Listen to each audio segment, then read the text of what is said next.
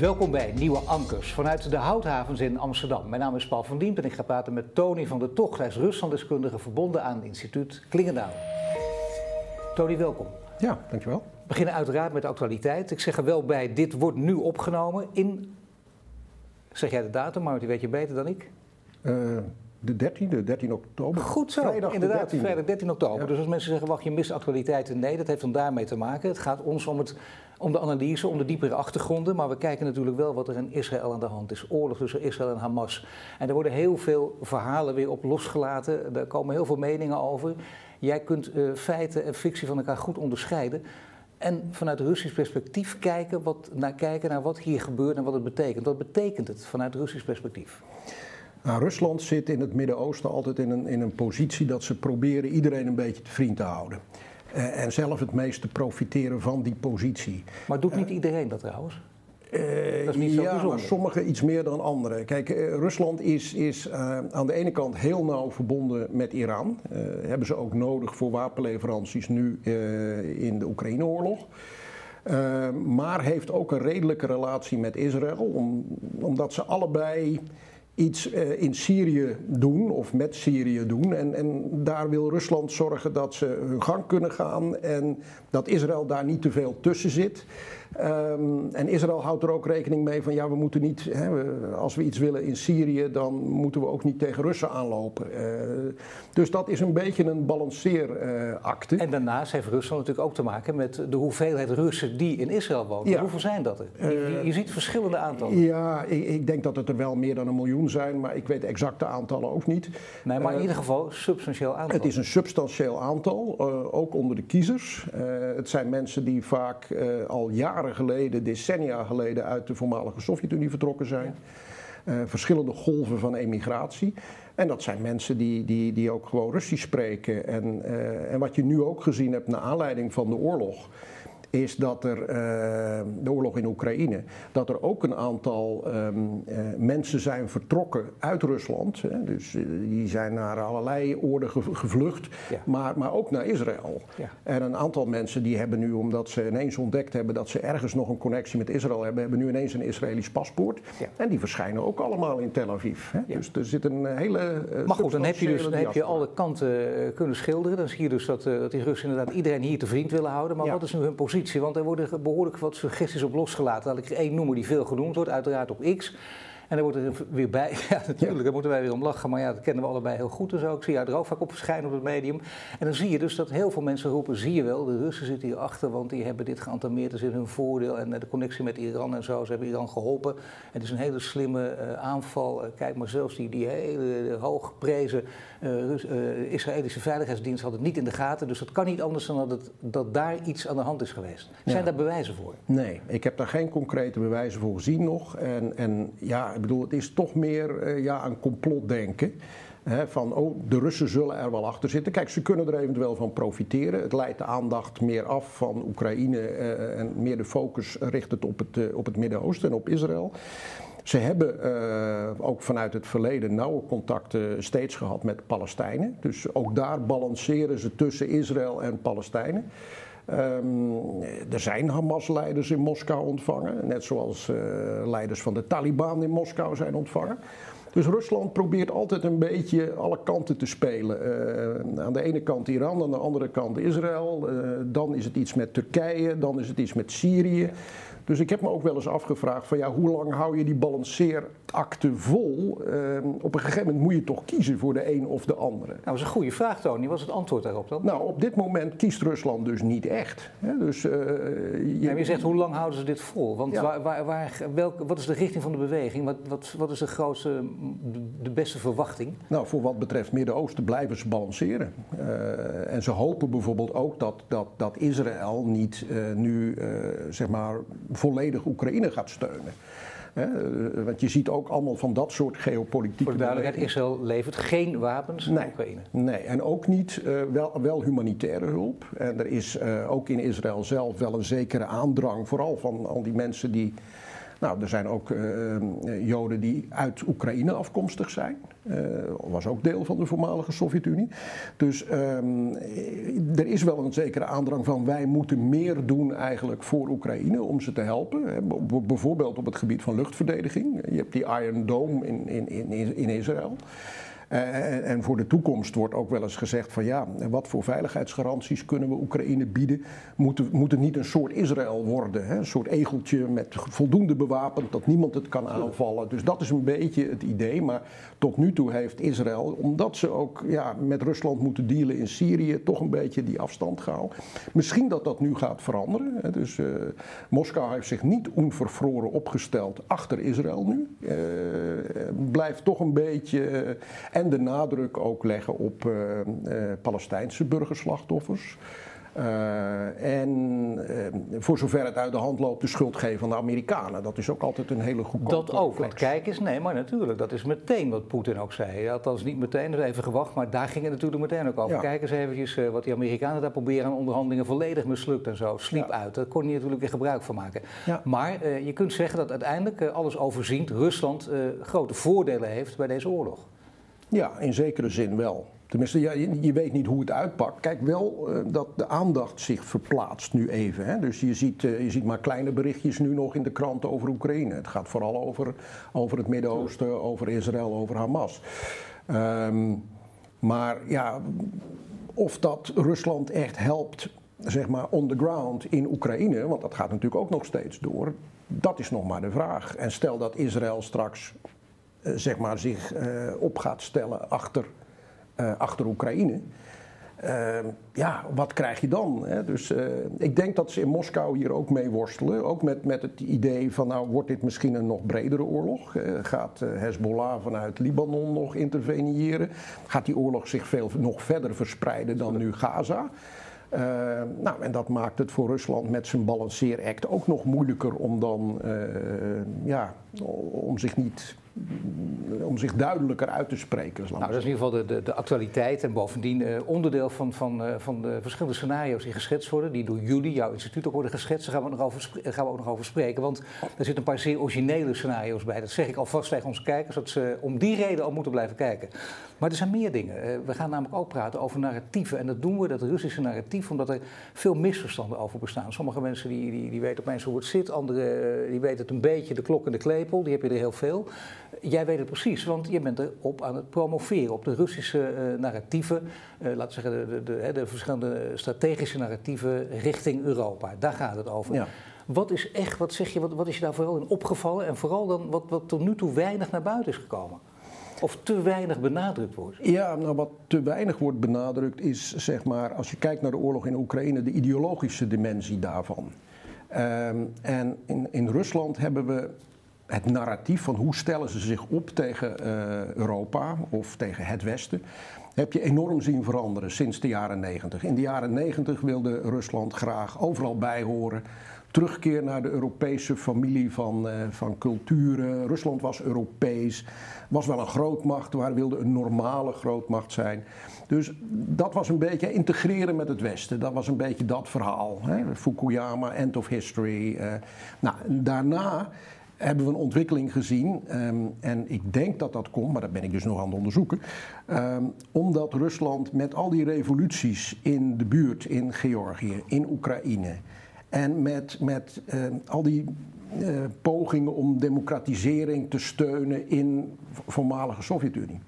Uh, ook door ons dat Rusland het idee van ja, maar dat is niet in het belang van het regime. Als dit zo doorgaat, dan, dan hebben we straks een opstand op het Rode Plein.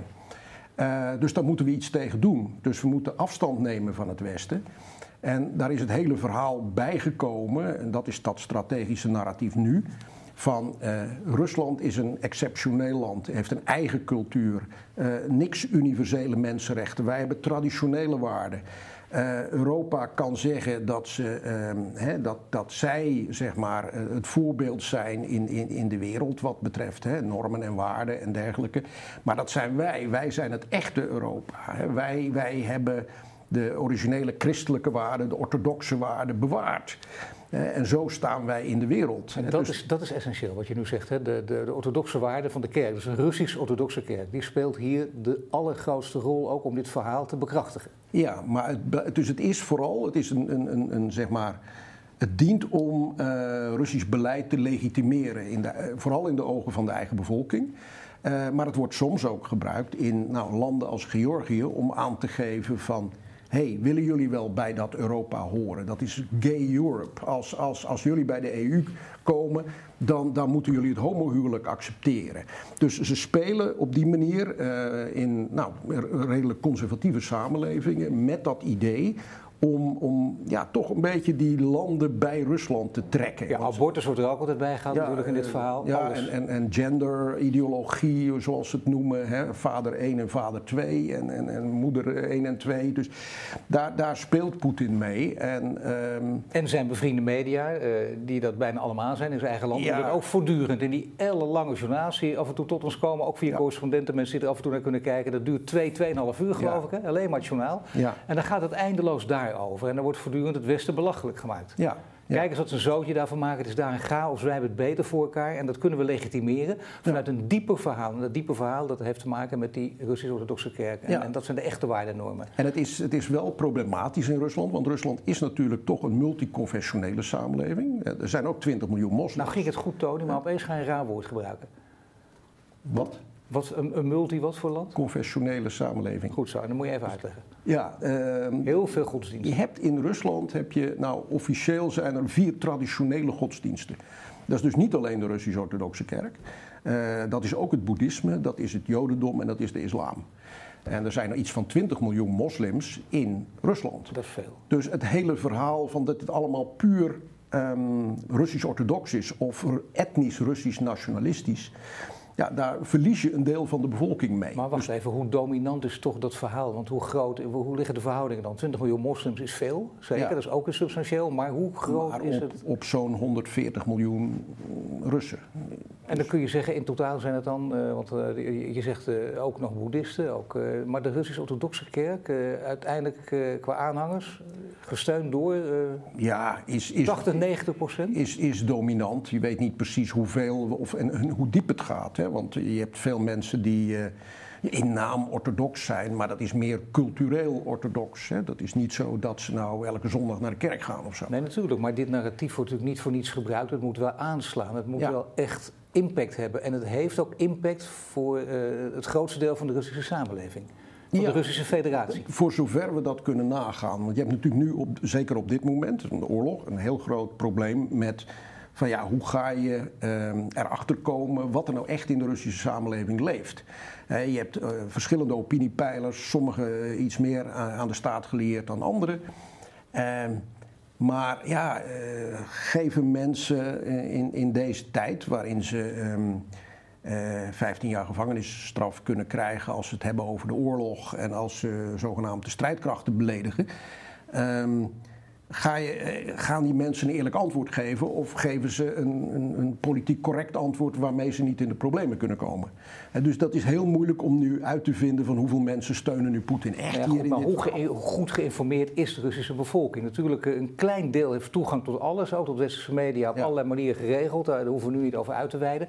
Maar het grootste deel weet het ook niet. Wordt ook misleid of niet? Of weten we dat ook niet? Nee, de, de, de invloed van de propaganda is vrij groot. Uh, komt ook omdat uh, nou, alle officiële tv-kanalen, alles wordt, wordt beheerst door de staat.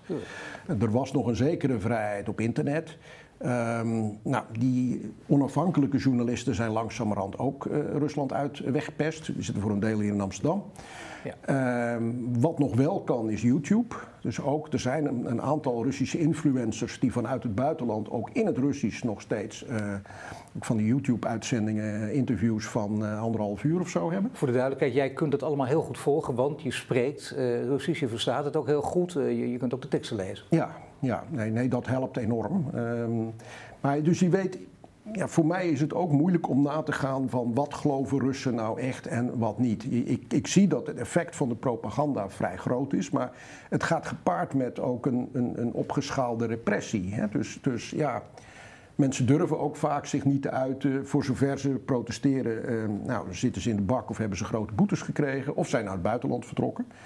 Ehm, dat vind ik op zich nog uh, voor de toekomst van Rusland uh, best wel een groot probleem. Er is zeker meer dan een half miljoen Russen, uh, vaak mannen, niet alleen, vertrokken naar het buitenland sinds het begin van de oorlog. deels om de mobilisatie te ontsnappen, maar, maar deels ook om. Nou, omdat ze uh, ja, zich in het Rusland van Poetin niet kunnen uiten. Dus ook veel jonge, veel jonge mensen bij. Uh, en ook, ook, veel briljante mensen die ze juist ja. liefst binnen de boord hadden gehouden. Veel, ja, is dat aantal van een half miljoen, ja. is, dat, is het aantal groeiende of weten we dat niet? Weten we niet. ja, de meeste mensen die Rusland hadden willen verlaten zijn er misschien uit. Um, er is elke keer weer het gerucht in Rusland van ja, gaan de grenzen toch dicht? En dan zie je vaak dat mensen toch proberen weg te komen. Vaak naar landen waar ze geen visum voor nodig hebben. Landen als Kazachstan of Georgië of Turkije. En, en, en, vaak proberen ze daarna door te komen. Maar ja, het is, het is een hele moeilijke keuze ook voor mensen. Want ja, je doet de deur achter je dicht. Je weet niet wanneer je ooit terug kan komen. Wat er met je familie verder gebeurt. Uh, je huis kan geconfiskeerd worden of je, je, je bedrijf dus het is, ehm, wij denken daar hier vaak heel makkelijk over. Van, uh, nou ja, dan ga je toch weg uit Rusland. Of, of wat sommige anderen zeggen, nou dan kom je toch in opstand tegen Poetin. Ja, uh, beide zijn hele moeilijke keuzes. En hebben consequenties voor mensen persoonlijk. Natuurlijk. Nu is er nog iets. je zegt heel veel dingen kunnen we wel en niet weten. We weten in ieder geval wel dat dit een heel sterk dominant narratief is. Heel belangrijk. Want je zegt niet voor niets, het legitimeert. Het is een belangrijke legitimering ook voor deze oorlog. Ja. Nu zijn er ook daar weer uh, verschillende verhalen over en verschillende interpretaties mogelijk. Je kunt zeggen dat is een geweldig marketingverhaal en dat werkt ook omdat ze, dat, uh, staatsmedia is op alles in handen. Je kunt ook zeggen er zit wat in. Um, ja, het is interessant dat ik een, een, aantal jaren geleden was ik bij een, eh, een Russische denktank in Moskou, uh, nauw gelieerd aan het Kremlin. Uh, en daar zaten allemaal, nou, deels oud-inlichtingenmensen en zo. Hoezo word jij daar toegelaten? Uh, ja, gewoon als, uh, als denkdenker kom je nog eens ergens. Hè? Dus, uh... maar goed, ik bedoel, ik kan me voorstellen dat ze denken: wacht even, deze denkdenker, hier komt informatie naar buiten, die, die, mag, jij, die mag niet tot jou komen. Nou, ik denk wel dat ze gewoon voor die sessie, dat ze het wel zo gemanaged hebben dat. Ehm, uh, dat ik echt geen dingen te weten zou kunnen komen die, uh, die zij in vertrouwelijkheid met het Kremlin delen. Goed, maar dat even terzijde. Ja. Maar wat hoorde dus, je daar? Nou, dan, het, was, we hadden een hele interessante discussie over uh, of mensenrechten universeel zijn of niet. En een aantal zeiden ja, ja, nee, dat klopt wel. En toen werd, die persoon werd meteen aangekeken door anderen van ja, maar jij bent niet patriotisch bezig. Wat is dat? Nee, we hebben onze eigen traditionele waarden. Dus het is een, soort vorm van ja, zich afschermen voor de buitenwereld, voor buitenlandse invloeden.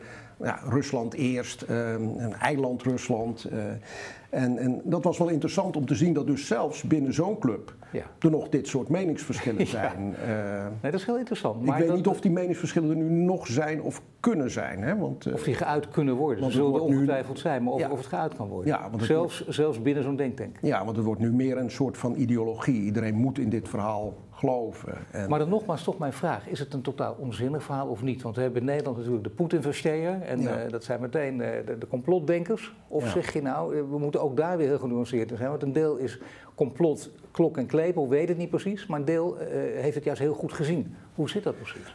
Nou ja, het is natuurlijk, kijk, dit, is, dit hele verhaal is heel handig opgebouwd. Uh, uh, met dingen die bij mensen aanslaan. Uh, dingen die sommige mensen nog waarderen uit de Sovjet-tijd. Van een zekere stabiliteit, het collectief.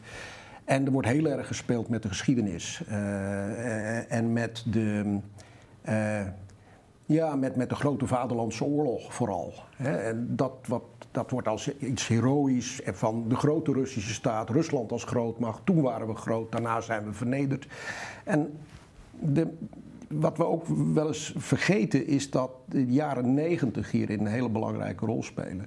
Uh, wij denken van ja, maar toen werd Rusland een democratie en een markteconomie en fantastisch. Maar heel veel mensen hebben in die periode omdat het hele sociale eh, net viel weg. Ja, Gorbachev, perestroika, iedereen liep te juichen en dacht ja. het inderdaad anniversary, wat je zo eerder, eerder zei. Ja, maar, maar heel veel dingen donderden in elkaar. Ik bedoel, mensen die, die zeg maar, hoog gekwalificeerd waren, moesten hun boeken verkopen op straat en zo om een beetje de, de eindjes aan elkaar te knopen. Uh, dus, dus het idee democratie of zo, Poetin is erin geslaagd om ja, eigenlijk een, een, een, een soort van trits die bestond in de oude tsaren, de late tsarentijd van wat Rusland is, is, is autocratie, orthodoxie en natie. En dat verhaal heeft hij heel goed weten te verkopen, want dat bouwt ook voort op, ehm, op delen van de Russische geschiedenis, om, op delen waar ze trots op kunnen zijn. Dus voor een deel leeft, leeft het huidige Rusland in het verleden. Natuurlijk, maar dan krijg je dus hele ingewikkelde discussies op hoe ver kun je baseren wat in het verleden gebeurd is. Welk deel van welk land hoort nog bij jou? Wat is wel of niet van jou Georgië binnenvallen? Dat je, met name de Krim. Het gaat steeds verder. Bovendien naar Oekraïne, waar heel veel deskundigen, misschien wel 90% tot van de experts in Nederland die ik kort voor de oorlog sprak, allemaal riepen als je kritiek had. Oh, heel naïef, dat gaat Rusland nooit doen. Waarom zouden ze het doen? Ze deden het wel als we die lijn doortrekken vanuit dit narratief, wat jij dus aan het bestuderen bent, waar je op aan het promoveren bent, wat, wat kan er dan nog meer gaan gebeuren? Ja, ik denk het idee wat, wat uh, Poetin heel sterk heeft, is, is dit idee van uh, niet alleen van wat is Rusland, maar, maar het idee van de Russische wereld. En, en er is aan Poetin wel eens gevraagd van, goh, uh, waar eindigt die Russische wereld? en die zei die, die eindigt niet, die heeft geen grenzen. En het idee is, is van Rusland al die Russen, en er zijn er toen de Sovjet-Unie uit elkaar viel, 25 miljoen Russen buiten Rusland beland. In allerlei andere landen, Oekraïne, Kazachstan, eh, noem het maar op. Uh, die beschouwt hij op een of andere manier ook als zijn burgers. Ook al zijn ze staats, uh, hebben ze een paspoort van een ander land. En, en ook nog breder, iedereen die zich op een of andere manier met de Russische taal en cultuur verbonden ja. voelt. En in het Russische idee, en dat staat ook in beleidsdocumenten, heeft Rusland de plicht om deze mensen te hulp te komen als Rusland vindt dat zij in hun essentiële rechten worden geschonden. Dus dat is het hele verhaal ook met Oekraïne, van er is een genocide in de, in de Donbass, uh, ik moet wat doen. There is no alternative.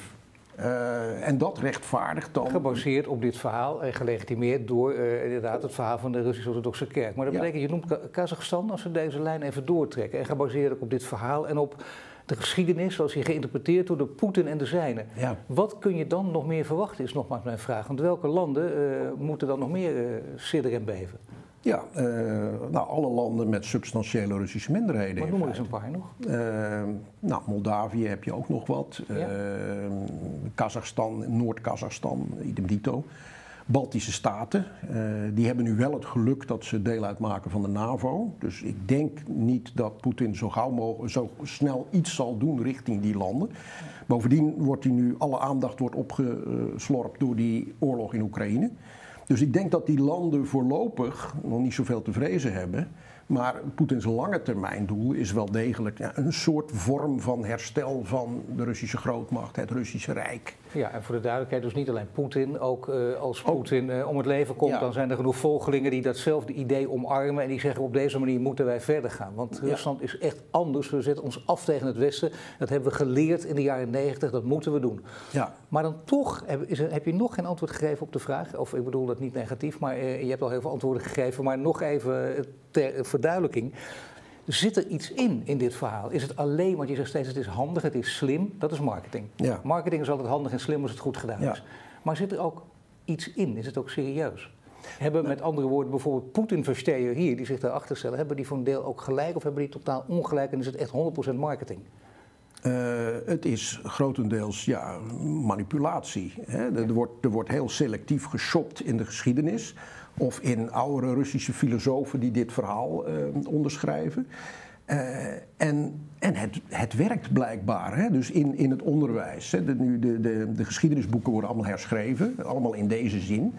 Dus er is een hele generatie die ook opgroeit. En wie de geschiedenis herschrijft, heeft de toekomst. Dat ja, zijn de grote ja. denkers die dat ook geroepen hebben. Ja. Dus dat scheelt. Nou, dat is het idee wat hierachter zit. En ik denk dat die, die propaganda toch verder gaat. En dat er meer mensen in geloven dan wij in ons eigen wensdenken vaak uh, hopen. Hè, we hebben Maar dus lang- wel geloven in, de- dat, dat is dus wel geloven, dat zeg je duidelijk, geloven in een misleidend verhaal. Ja, ja, ja, feitelijk wel. Daarmee zeg je dus ook dat je geen enkel begrip hebt voor Poetin verstehen in Nederland. Nee, want eh, kijk, het, het is niet alleen een misleidend verhaal, maar het wordt ook gepresenteerd als het enige verhaal. Ja. En, en, en alternatieven worden weggedrukt, onderdrukt, eh, mag niet. Hè? Dus het wordt steeds meer een soort ideologie eh, waar je niet van mag afwijken. Ehm, en er is nou, ja, er is een hele generatie ook opgegroeid die, die, die niets anders heeft meegemaakt dan Poetin. Die zullen zich echt niet allemaal achter Poetin opstellen. Maar ik denk dat we de invloed in het onderwijs, ook van de Russisch-Orthodoxe Kerk en in de strijdkrachten, dat we die niet moeten onderschatten. Ehm, want die, eh, die, die- ook het verhaal, bijvoorbeeld wat Poetin eh, een jaar voor de eh, invasie naar buiten bracht van Russen en Oekraïners zijn één volk. Hè, ehm, dat was een verhaal wat ook verplicht werd voorgeschreven eh, aan Russische militairen. Dus eigenlijk om ze al een beetje eh, eh, in die richting te duwen van als er straks iets zou komen, de rechtvaardiging lag al op tafel. Hetzelfde geldt ook voor. Ja, wij hebben altijd wel het idee gehad van, nou, dit, dit, dit is een gerontocratie. Hè. Op een gegeven moment gaan al die mannen dood. Het zijn allemaal mannen. Eh, en dan, dan komt er een jongere generatie en dan wordt het beter. Daar Maar- put je inderdaad de hoop en optimisme uit. ja, maar wat we vaak vergeten is dat een groot deel van die eh, jongere generatie eh, toch wel degelijk gelooft in die propaganda. En of het nou opportunisme is, voor sommigen is het ook een baan. Hè? Dus ja, de- als jij bij de universiteit iets wil, nou, het maar beter dat je in die richting stuurt.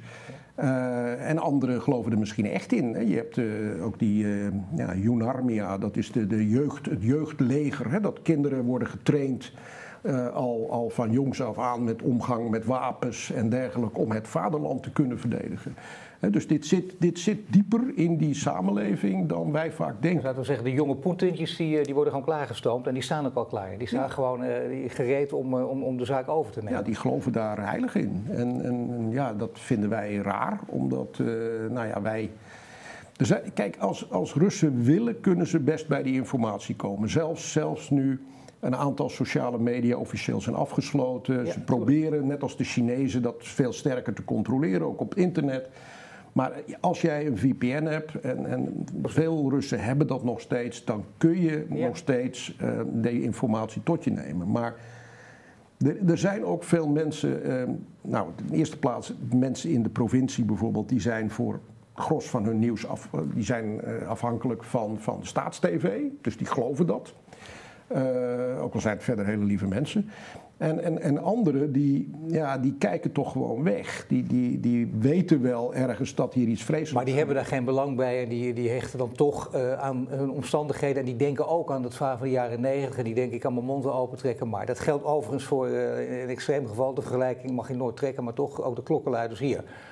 Ja, nou, het is ook een beetje. Je moet extreem lef hebben daar. Als je daar klokkenluider bent, dat is een totaal andere orde Ja. dan hier natuurlijk. Ja, ja, want dat heeft echt heel serieus. Maar dat onderschatten we ook heel vaak. En mensen die weten dat via VPN, die weten wat er aan de hand is. En daar putten wij dan weer hoop uit. Althans, als wij Ja. willen dat het totaal de andere kant op gaat. En dan weten we dat die hoop eigenlijk nergens op gebaseerd is. Want dan verwacht je wel heel veel van mensen. Ja, ja. Nee, ik zie dat bij ook die verdeeldheid bij Russische denktankcollega's.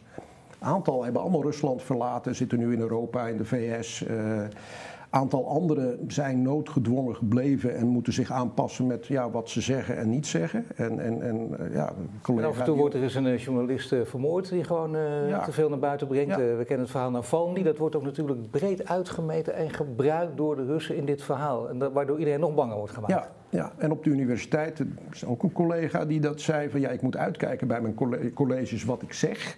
Want er is ook weer iets ontstaan, wat ook in de Sovjet-tijd bestond, van verklikkermaatschappij. Hè? Dus, eh, en dat zit Ja, en in soms ook- Roemenië Securitate, dat kennen we Ja. natuurlijk inderdaad. Soms ook heel opportunistisch. Hè. Als ik eh, de baan wil van iemand anders, dan, dan lap ik die Ja. erbij. Van ja, die heeft dit gezegd tegen de studenten. Ja, dat kan toch niet? Wereldwijd internationaal fenomeen zelfs dit. Dat kennen we allemaal. Ja. Maar daar natuurlijk in heel extreme mate. En daar moet je nog veel mee oppassen. Dat hoor je van zo'n collega. Dan is onze eerste reactie vaak vanuit de gemakkelijke luie stoel. Maar je moet moedig zijn. Daar gaat het juist om. Mensen met moed, zitten op te wachten. Maar dat jij denkt, alles overziend, is dat te veel gevraagd van mensen. Ja, als als, als jij met een, een, een wit A4'tje op het Rode Plein gaat staan en dat wordt beschouwd als protest, dan word je al in een politiebusje geslingerd.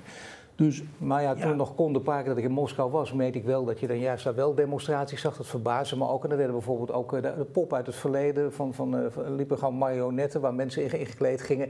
En die, Brezhnev bijvoorbeeld, maar ook Poetin, die werden belachelijk gemaakt. En toen werd mij weer verteld, dat doen ze expres zodat wij, Westerlingen, denken: kijk eens even hoe, hoe, vrij wij zijn. Dat kan gewoon op het Rode Plein. Nou, ik denk nu niet meer. En, en, en nee, bovendien meer, denk ik dat Poetin het zal een worst wezen wat in het Westen gedacht wordt over Rusland. Ja. Dat interesseert hem niet. Nee, dat was, toen heel speelde dat nog, dat is inderdaad een jaar of zeven, acht geleden. Ja, ja, ja. ja. Nu speelt er nog iets, namelijk, uh, kijk, dit, is, dit verhaal is, is zo diep doordrenkt van religie, dat je ook denkt, uh, soms worden door mensen ook genoemd uh, de, de, de forever war. Het kan niet anders dan dat die oorlog altijd doorgaat als je Poetin bent. En als je zijn geest kruipt, want, en als je je gedachtegoed verdiept. Zoals jij dat net uiteen hebt gezet. En dan begrijp je ook dat hij niet kan stoppen. Want met een heilige oorlog kun je niet stoppen. Is, is dat waar? Nee, dat klopt. Uh, kijk, dit heeft te maken met de Russische identiteit, de Russische grootmachtstatus. Dat kan niet zonder dat ze Oekraïne beheersen. Uh, dat kan, omdat het een soort ideologische oorlog geworden is, uh, kun je niet even een compromis sluiten en denken van nou ja oké, ik ben nou tot hier gekomen, weet je wat, wapenstilstand en, en, en laten we het maar vergeten. Want ja, Poetin denkt ook, dit, dit heeft ook consequenties voor zijn regime, voor de legitimatie van zijn regime. Als die oorlog met al die slachtoffers uh, dan nog mislukt is, dat hij niet eens zijn doel heeft bereikt. Ja, wat, wat, wat brengt dat teweeg in, in, in de Russische samenleving? Hè? Dus als je hier spreekt met Russische oppositie die in het buitenland zit die hopen dat. Die hopen dat de zaak in elkaar dondert. En dat ze dan een kans hebben om eventueel terug te gaan en aan een ander Rusland te gaan werken. En maar Poetin kan niet stoppen hier. Eh, omdat juist vanwege die ideologische dimensie. Dit, dit gaat niet over territorium of zo. Hè. Dan kun je op een gegeven moment zeggen: Nou, hier stoppen we, trekken we een lijn. Een wapenstilstand. Uh, ja, dat, dat zit er dus gewoon niet in. Dus voor Poetin, die mikt op de langere termijn. Uh, kijk, hij had natuurlijk oorspronkelijk gedacht dat die oorlog in een week over was. Uh, daar heeft hij zich dus heel lelijk op verkeken. En dat kwam ook omdat, hij, nou, omdat ze uh, niet konden inschatten of wilden inschatten dat Oekraïners gewoon echt anders zijn en hoe die zouden reageren. Ik denk dat ze echt dachten van. Nou, dat de Krim is achteraf en zo, dan dacht hij, ja, maar ja, daar wonen nog heel veel Russen. Dat, nog ging, steeds. dat ging ook soepel en denk van nou, als ik daar kom, dan worden onze soldaten straks begroet met, met bloemen of uh, brood en zout. Uh, en dat... Maar dit is al wel verregaande naïviteit. Ik bedoel, hij, zegt, hij ziet het verschil toch ook al tussen de Krim en andere delen van Oekraïne? Of denk je dat ze zelfs dat veronachtzaamd hebben? Ik weet het niet. Ik, ik denk dat hij vooral het karakter van Oekraïne en, en hoe Oekraïne veranderd is sinds de Sovjet-tijd, dat ze dat hebben, hebben eh, miskend. En ik heb ook wel eens met Russen gesproken over Oekraïne, want ze hebben allemaal prachtige denktanks ook over de Caucasus, over Centraal-Azië. Ik zeg, waar is jullie Oekraïne-instituut? En zij zeggen, ja, die hebben we niet, want de mensen zijn net zoals wij. Dus ik denk dat het een mateloze onderschatting is en een soort van Russisch superioriteitsgevoel van nou, die hoekers, dat uh, allemaal geen probleem. Uh, en ook niet nagedacht over de internationale reactie bijvoorbeeld, want daar zal Poetin ook, als je zegt inderdaad in het begin leek het erop dat hij denkt ik loop er in een week overheen, maar het is een heel groot land. Uh, deze onderschatting begrijp ik, maar de andere onderschatting is dan toch wel heel naïef, dat je denkt dat, dat de buitenwacht zich er niet mee gaat bemoeien. Ik denk dat die ja, die reactie heeft, uh, heeft onderschat. Uh, en toch de reactie van nou, het Westen is zwak, uh, Europa helemaal. Kijk wat ik eerder gedaan heb. En, en, en ja, dan komen er een paar slappe sancties. Duitsers heb ik in de tang met, met, met het gas. Amerikanen, kijk hoe ze net uit Afghanistan weggegaan zijn. Ja, ik bedoel, dit moet kunnen. Hè? Dus dit, ja, inderdaad de onderschatting van die reactie. Uh, terwijl aan onze kant, ja, er lag, ze waren gewaarschuwd, er lag al een heel substantieel sanctiepakket klaar. Maar Poetin dacht toch, nou, kijk, Poetin is niet geïnteresseerd zozeer in, in, in de economie en financiën. Kijk, zijn oorlogskas was toch al gevuld. Uh, nou ja, die oligarchen om hem heen en zelf is hij natuurlijk enorm uh, in, in luxe geïnteresseerd. Ik bedoel, maar dat heeft hij ja. gewoon voor elkaar. Hij heeft gewoon genoeg. Ja, en, en, en, Hij komt tot zijn negen, dus is hij gewoon miljardair. Daar komt het op neer. En het interesseert hem verder niet echt. Wat, wat hem echt interesseert, denk ik, is, is zijn plaats in de geschiedenisboek. Dus dat geopolitieke doel van ik moet Oekraïne onder, weer onder controle brengen. Ik ben straks degene die het Russische land weer heeft verzameld. Uh, zo wil ik de geschiedenisboeken ingaan. En, Hebben wij dat aan de andere kant, vanuit het Westen, niet uh, van Poetin onderschat? Dat hij dit meent en vindt en belangrijk en, en heel belangrijk vindt? Ik denk het wel. Uh, want wij zijn vrolijk zaken blijven doen, ook op het gebied van energie. Alle afhankelijkheden zelf bevorderd en gecreëerd. Uh, zonder... Wandel door handel, dat hebben we allemaal gedacht. Ja, zonder... Ook de veel geprezen Angela Merkel. Ja, ook. Heeft dat dus verkeerd gezien? Ja, ja. Die, is, die zijn daarin meegegaan. In feite, als je nu terugkijkt van verschillende momenten wat Poetin allemaal gezegd heeft. Hè, nou, zijn speech in München in 2007, waar hij zich afzette tegen de Amerikanen. Al die verhalen die hij gehouden heeft. Uh, ja, dan, dan kun je, als je dat achteraf allemaal met elkaar verbindt, dan denk je van ja, maar hier, hier zijn we dus eigenlijk grenzeloos naïef geweest. Maar verbaas je dit nou niet? Want ik bedoel, Poetin uh, houdt ook van, van pesten, ook op klein niveau. Hè, met die hond, hij wist ja. Angela Merkel is bang voor een hond en zo. Nee, maar dat lijken kleine dingen, maar die worden langzamerhand toch groter. Ja. En hij wilde haar ook echt voor gek zetten. Ja. En dat deed hij ook. Hij wilde angst aanjagen, zelfs op microniveau. En op macroniveau denk ik, wacht even, zij had veel beter kunnen weten, want ze spreekt vloeiend Russisch. Ja. ja. Ze is een Oost-Duitse. Dus de, dat hele, hoe kan dat? Hoe kan ze dat zo eh, misgezien hebben? Ja, zij, ik, ik, weet niet of ze dat zelf mm, echt uh, verkeerd geïnterpreteerd heeft. Of dat ze, kijk, zij zat ook natuurlijk in een hele moeilijke spagaat met Duitse deelstaten. Waar natuurlijk. essentiële Duitse bedrijven. Uh, wat diep in, niet alleen de SPD, maar ook in andere partijen in Duitsland zat. Uh, wat, wat, nu in, in, een recent boek wordt genoemd de Moscow Connection. Hè? Dus echt dat, dat, die vervlechting.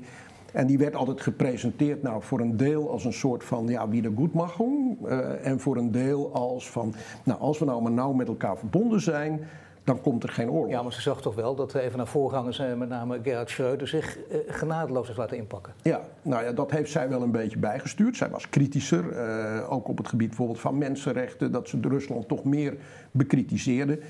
Bijvoorbeeld zorgde dat, dat in de tijd dat Navalny naar Duitsland kon, naar Berlijn kon voor het, in, in het ziekenhuis. Maar ja, dat blijft de, de, de trend blijft dat niet, uh, dat doet dat niks aan af. De gedachtegang wandel door handel bleef bestaan. En bleef de gedachtegang is voorbij en die had eerder voorbij moeten zijn. Want we leven gewoon in tijden van Koude Oorlog. En uh, al veel langer dan we denken. Ja. De andere kant is er al langer mee bezig dan wij in onze naïviteit. Ja, nou, Poetin heeft elke keer duidelijk gezegd van dat hele verhaal van een conflict met het Westen. Dat, dat roept hij allemaal al veel langer tegen de Amerikaanse hegemonie.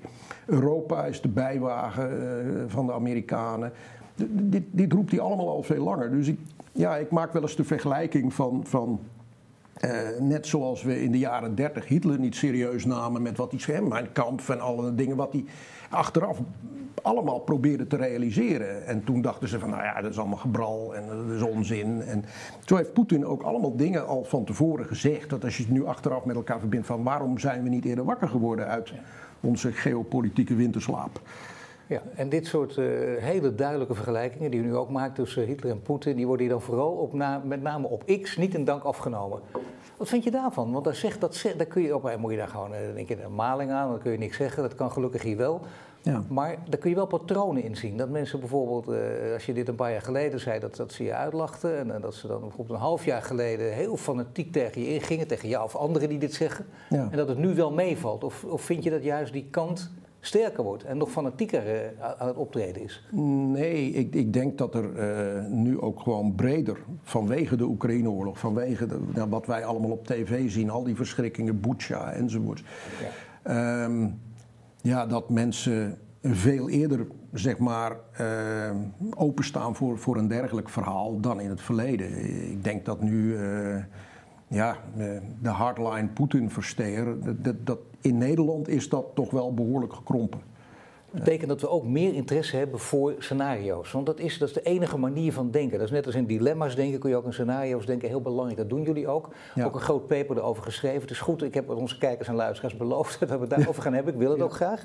Het betekent dat er een paar dingen zijn. Tot nu toe eh, schets je eigenlijk twee hele schrikbarende scenario's. Die, die, niemand wil. Namelijk die forever war. Heilige oorlog die nooit ophoudt. Dat is voor alles en iedereen een ramp. Aan de andere kant, uh, ja, ook de veelgenoemde uh, kernwapen inzet. Dat, dan, dat, zou dan het andere scenario zijn. Er zijn er maar twee. Er zijn er dus veel meer, zeg ik nu al. Maar dat zijn tot nu toe lijken dat de enige twee die op tafel liggen.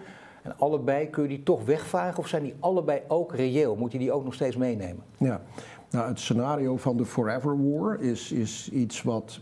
Nou ja, in, in, als je kijkt naar de, de nabije toekomst, hè, dus de komende. Kijk, die, die scenario's hebben we gedaan op een zo'n termijn van vijf jaar. Zeker. En er zijn anderen die doen scenario's nog veel verder. Uh, maar dat is heel moeilijk. Um, wat, als je kijkt voor één jaar, twee jaar vooruit, uh, dan zie ik Rusland niet stoppen. Putin, als Poetin zijn, zijn, zijn, zijn, doelen niet kan bereiken, hij is bezig om zijn economie om te schakelen naar een soort oorlogseconomie. Dus hij kan dit nog wel even volhouden. Uh, waar hij op hoopt is dat het Westen het niet kan volhouden. Dat hier langzamerhand, en je ziet sommige scheurtjes al hè, in het Amerikaans congres, uh, ook in sommige Europese landen, dat, dat die steun voor Oekraïne langzamerhand gaat afnemen. Nou ja, dat staat dus in een van de scenario's ook inderdaad. De oorlog gaat door, geen einde in zicht. Poetin moet terugtreden. Opvolger neemt het over Rusland volledig afhankelijk van China. Of uh, ja, inderdaad, uh, de verkiezingen 2024. En uh, ja. kijk eens even wat er gebeurt. In dat machtsvacuum kan van alles gebeuren en zo. En dan gaat de aandacht afnemen, zeker ook van Amerika. En dat betekent dat Poetin nog steviger in het zadel zit. Ja, nou, kijk, ehm, ik denk, kijk, die scenario's zijn bepaalde denkmodellen. Hè. Het is niet zo dat dat een soort voorspellende waarde of zo. Maar wat is het belang van scenario's? Hè? Want ik bedoel, ik, ik zeg net zelf, ik vind ja. het belangrijk, omdat ik denk dat dat, zijn, dat biedt een bepaald houvast. Ik merk in bedrijfsleven bijvoorbeeld ook dat mensen dat van groot belang achter. Veel ja. Individuen vinden dat ook, dat willen we weten. Dat geeft beter zicht, daar kun je over nadenken. Wat zijn de mogelijkheden? Maar je hebt ook een groep mensen die zeggen, waar heb je nou toch aan die scenario's? Ja. Gooi ze toch weg, flikken ze de, ja, nee, um, de, de muur het, het, het, idee is, we hebben dus eerst eigenlijk systematisch in kaart gebracht... wat zijn nou alle factoren die dit kunnen beïnvloeden? Russische maatschappij, economie, politiek, uh, isolatie, uitkomst van de oorlog. Uh, en uh, op basis daarvan hebben we een aantal scenario's, sommige zeer extreem, hè, tot, tot en met het uiteenvallen van Rusland, de grote instabiliteit, burgeroorlog en, en, en zo aan toe. Met die warlords die het dan overnemen. En die zeggen, we pakken bijvoorbeeld, dat is ook een van, van de mogelijkheden, de nederlaag, explosie Russische, implosie Russische federatie. Een van jullie scenario's. Regionale warlords die nemen in klein gebied nemen ze de macht over in, in Moskou, zeg maar groot Moskou. En ze worden nog vijandiger ten opzichte van het Westen. Ja. Maar dat is dus wel een reëel scenario. Ja, het, het, het, is denkbaar. Het is, niet, het, is niet in termen van waarschijnlijkheid de meest waarschijnlijke, nee. hè, maar het is denkbaar. En um, het doel van deze scenario's is dat ook beleidsmakers erover gaan nadenken: van stel nou dat het dat wordt. Voor welke nare keuzes worden we dan geplaatst? Um, gaan we proberen om samen met China dat land te stabiliseren? China heeft ook een groot belang bij een stabiel Rusland. Gaan we die, die nieuwe staatjes die zich opwerpen, gaan we die erkennen? Diplomatiek en onder welke voorwaarden? Uh, of proberen we gewoon de grens dicht te houden en allerlei migranten die er aankomen vooral tegenhouden en van nou laat het uitbranden en we zien wel wat eruit komt. Hè. Dus hebben we überhaupt invloed daarop? Een van de scenario's die jullie overigens niet schetsen is het scenario van uh, een kernwapenoorlog. Want je ja. denkt dat, dat dat hoeft ook niet, want dat kun je gewoon, daar kun je eigenlijk over ophouden. Dat gebeurt gewoon niet. Ik denk dat het heel onwaarschijnlijk is. Uh, kijk, een, een, het gebruik zelfs van een tactisch nucleair wapen in de huidige omstandigheden is, is uh, nou, niet heel erg waarschijnlijk. Past niet in de Russische nucleaire strategie. Dat als Rusland zelf uh, zeg maar essentieel bedreigd wordt. Nou, is de vraag hoe Poetin dat definieert. Maar dat, dat dat dan gerechtvaardigd zou zijn. Um, hij schiet er ook niks internationaal mee op, want dan zal een land als China, wat tot nu toe toch ergens achter de schermen toch een grote partner is, die zal hem dan ook nog laten vallen. En het leidt tot wederzijdse vernietigingen, dus ook na zijn ja. dood zal er dan geen standbeeld neergezet kunnen worden, want er nee. is niet eens plaats meer voor. Nee, nee, nee. En uh, voor zover de standbeelden nog staan, uh, geven ze licht. Daarom, uh, dus, nee. dus, dat, nee, ik, ik acht dat niet heel waarschijnlijk. Ook niet omdat, ja, Poetin kan op een gegeven moment wel in zo'n extreme situatie zitten dat hij denkt van nou, uh, alles maar naar de Filistijnen, want ik verlies toch. Uh, maar de grote vraag is dan die mensen daaronder, hè, in de strijdkrachten en dergelijke, die ook zien dat dit uh, naar de knoppen gaat en denken van ja, uh, dat, kan, dat kan de baas wel, wel, wel zeggen, maar dat gaan we dus niet doen. Jullie hebben de scenario's opgesteld op basis van, van bronnen, van, van uh, grondig onderzoek. Wat is dan het meest, wel het meest dichtbijkomende scenario? Laten we zeggen voor de komende twee jaar. Dat je denkt, het duurt lang, dat sowieso. Dat gaat ja. per definitie, moeten we daar rekening mee houden dat het in ieder geval nog twee jaar gaat duren. Ja, ja ik denk dat het voorlopig... kijk, die scenario's hebben een, een, een tijdspanne van vijf jaar. het scenario wat iedereen hoopt is van uh, wat we noemden reluctant reconciliation. Dat er toch een leiderschap komt in, in, in, in, in uh, Rusland dat denkt van nou.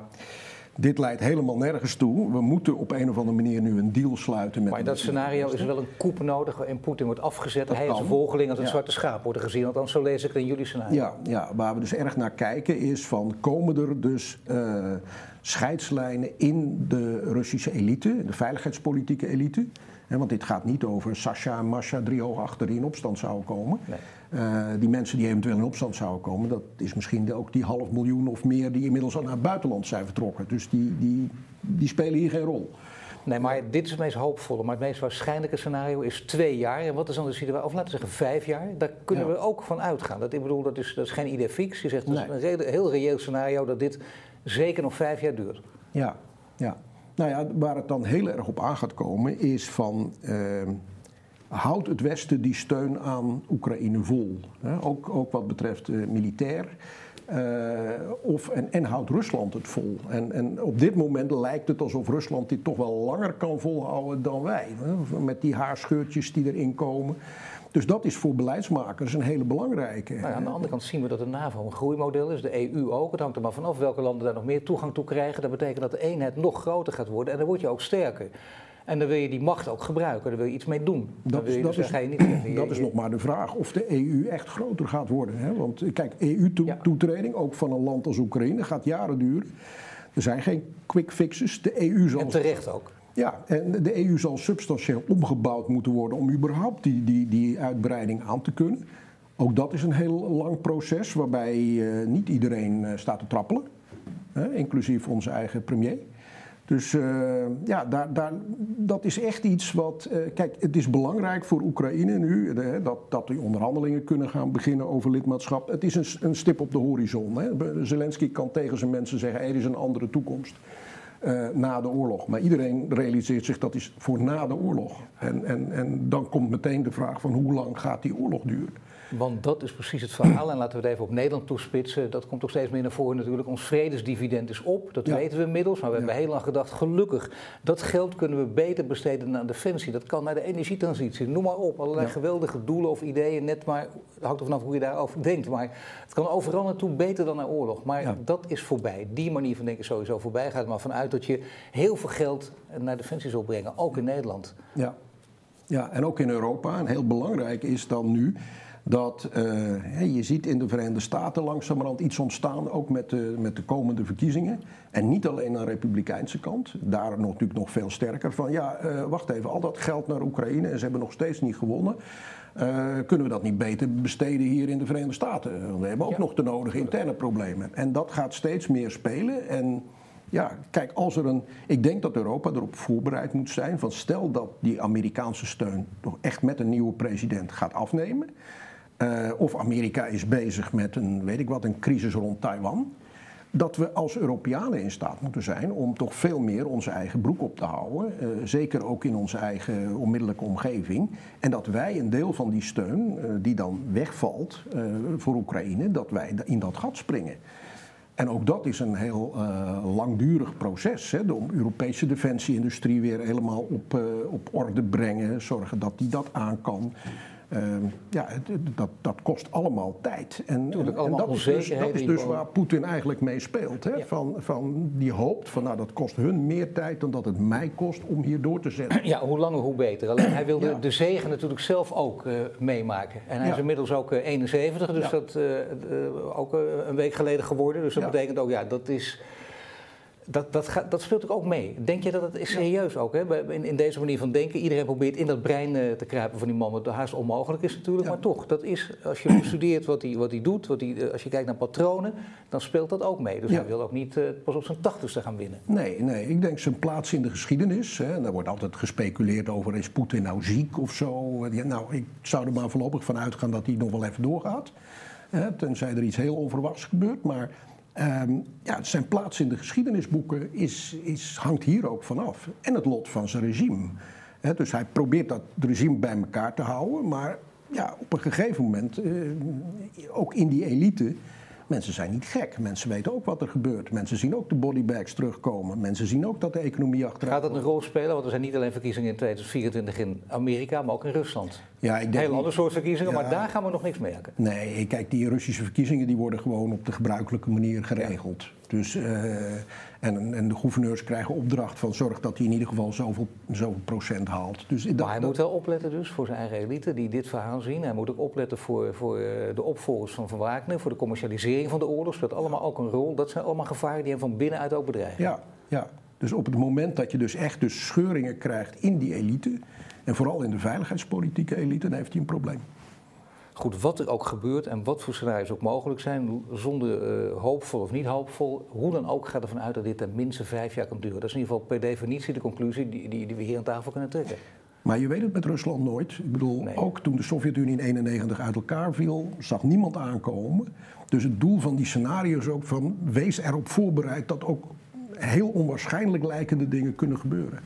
En, en, en, dat je daar in ieder geval alvast over na hebt gedacht. Nou, Tony, ik zet er voor nu een punt achter, maar eh, we gaan hier denk ik ook hier uh, op Nieuwe Ankers verder uh, over doorpraten. Graag met jou. Tot de volgende keer. Dank voor dit gesprek. Dankjewel.